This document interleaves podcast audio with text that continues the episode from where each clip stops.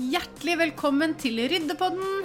Denne podkasten er for deg som ønsker et hjem med mindre rot og en hverdag med mer ro og harmoni.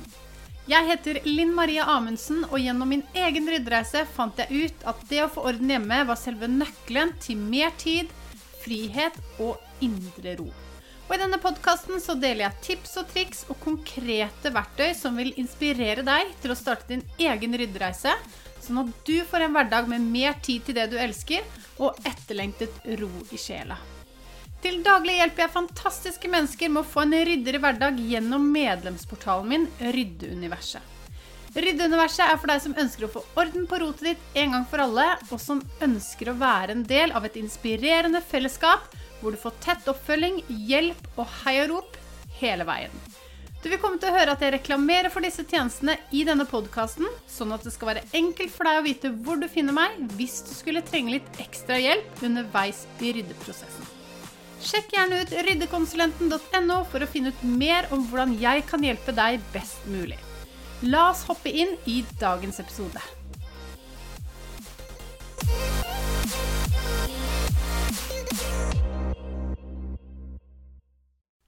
Velkommen til dagens episode av Ryddepodden. I dag har jeg lyst til å starte episoden med å stille deg et spørsmål. For det er jo ofte sånn at vi kanskje må si nei til å ha besøk, eller vi har ikke energi til å invitere noen hjem fordi vi har det rotete. Eller vi kanskje også har lyst til å gjenoppta en gammel, gammel hobby. Eh, og så blir det aldri noe av fordi vi har ikke noe plass å gjøre hobbysakene våre fordi rotet står i veien. Så dagens spørsmål til deg er hva er det av ting du liker å gjøre, som må vike når rotet står i veien? For det er jo ofte sånn det er, at eh, vi ikke kanskje får gjort de tingene som vi ønsker å gjøre her i livet, fordi vi har det rotete, og fordi vi ikke får tatt ordentlig tak i rotet vårt. Og kanskje har du det sånn at du kvier deg litt for at barna skal ha med seg venner på besøk, eller du ikke inviterer venner hjem på kaffe fordi du vet at det tar altfor mye tid å rydde før de kommer, eller du syns det er flaut å vise fram at du har det rotete. Så hva gjør det med deg? Kjenn gjerne litt etter hva det gjør med deg å ha det sånn. Og jeg tipper det gir deg klump i magen bare når jeg snakker om det. Og jeg sier ikke dette fordi det er dårlig samvittighet, for vi har alle vært der at vi har hatt både roterom og roteskuffer. Men hva er det du går glipp av i livet når du har det rotete? Og hva er det du kunne fått mer av hvis du hadde hatt mer orden rundt deg? Så bruk gjerne litt tid på å bare tenke gjennom dette etter at du har hørt denne episoden. Fordi det å stoppe opp og tenke gjennom disse tingene, ja, det gjør litt vondt. Det er litt ubehagelig å stille seg selv disse spørsmålene. Men når du får stoppet opp og tenkt litt etter, så kan det også hende at du kan bruke dette, eller mest sannsynlig bruke dette som en motivasjon til å rett og slett bare komme i gang med ryddeprosessen og få tatt tak i rotet en gang for alle. Fordi det er det er nå engang sånn at eh, rotet står ofte i veien for det livet som vi ønsker å leve, og det er det virkelig ikke verdt. Og det som fort skjer, er at uh, det bare baller på seg. Altså, det er så akkurat som at rot avler rot. Så jo mer rot vi har, jo mer rot blir det, og det bare akkumulerer. Og det blir til at tingene eier oss, ikke vi som eier tingene. Og det er jo akkurat som om de tar et grep om oss, at vi aldri klarer å vinne den kampen mot rotet. Det er i hvert fall sånn det føles når vi ikke helt finner ut av hvordan vi skal klare å få orden på alt. Og at vi blir slukt av alle de ukentlige gjøremålene, sånn at vi aldri kommer oss helt ovenpå. Eller får tatt tak i det som ligger slengt rundt i hver krik og krok. Og det å starte en ryddeprosess, det vil kjennes tøft i perioder. Eh, når du liksom går inn for å få skikkelig orden, og du går inn for å ta tak i rotet en gang for alle. Og sånn er det jo med alle endringsprosesser, og sånn er det med ryddeprosessen òg. Men tro meg, det vil være verdt det. Du begynner å få systemene på plass, du har ikke lenger like mange ting som ikke har en plass, og du begynner å kjenne på at du får mer overskudd og tid til å gjøre ting ha andre ting enn å rydde. Og det, min venn, det er magisk.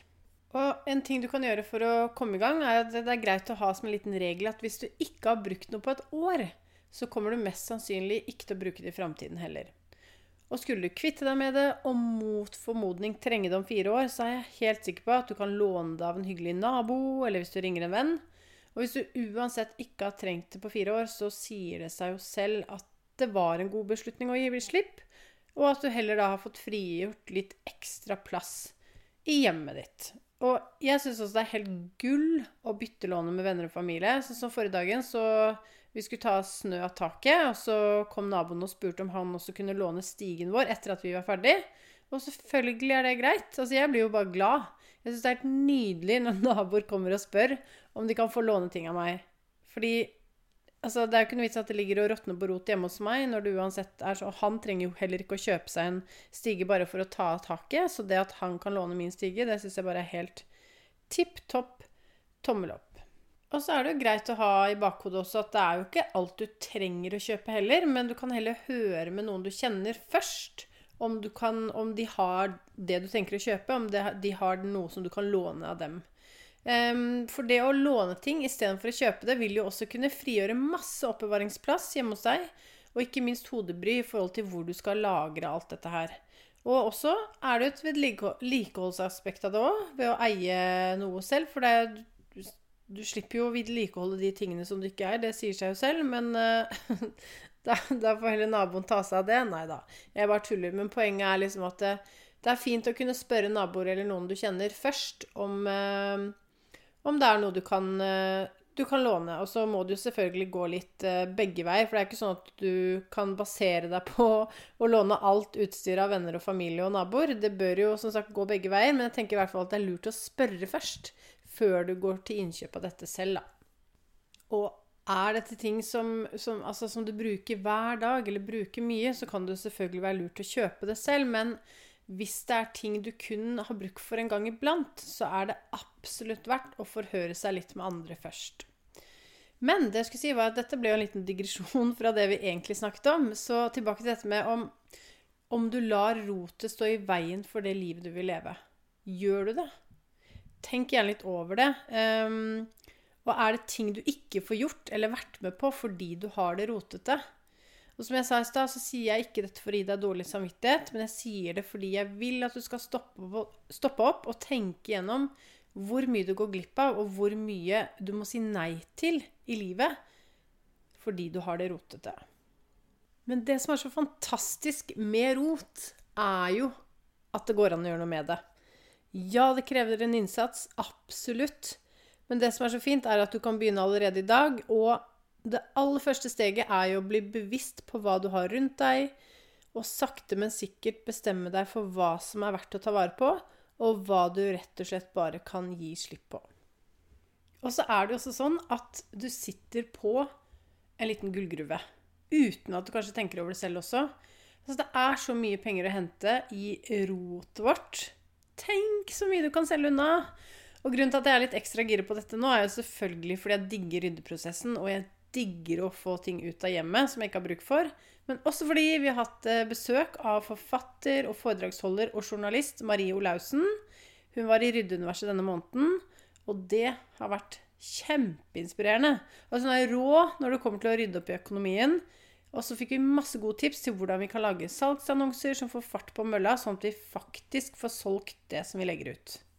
Og det som også er veldig gøy, er at et, et av medlemmene i Ryddeuniverset delte at hun har tjent 25 000 siden hun ble med i Ryddeuniverset. Det er jo helt vilt bra.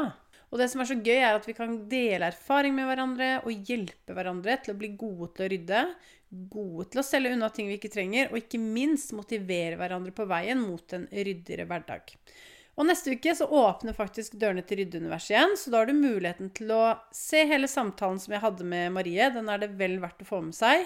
Og selvfølgelig også få hjelp gjennom hele ryddeprosessen din, sånn at det går raskere, og at det blir lettere, og at hele prosessen blir mer lystbetont for deg. Så hvis du ønsker deg mer orden og system, men ikke aner hvor du skal starte, eller du er godt i gang, men du ikke kommer deg videre, så er ryddeuniverset midt i blinken for deg. Så helt til slutt, vær så snill, la dette være året hvor du tar skikkelig tak i rotet og bare får det gjort. Ja, det er en prosess. Det tar tid. Men det vil være så innmari verdt det, og du kommer til å være sjeleglad for at du gadd å ta ordentlig tak i rotet en gang for alle. Jeg håper at dagens episode var nyttig for deg, og at du ble inspirert til å starte din egen ryddereise. Og hvis du likte det du hørte, så blir jeg veldig glad hvis du deler i sosiale medier at du hører på denne podkasten. Og tagg meg gjerne med at ryddekonsulenten, sånn at jeg kan si hei til deg og takke deg for at du deler. Du finner meg under navnet Ryddekonsulenten på Instagram, Facebook og TikTok. Og jeg vil bare si tusen takk for at du hørte på episoden, og lykke til med din ryddereise. Jeg heier på deg. Vi høres.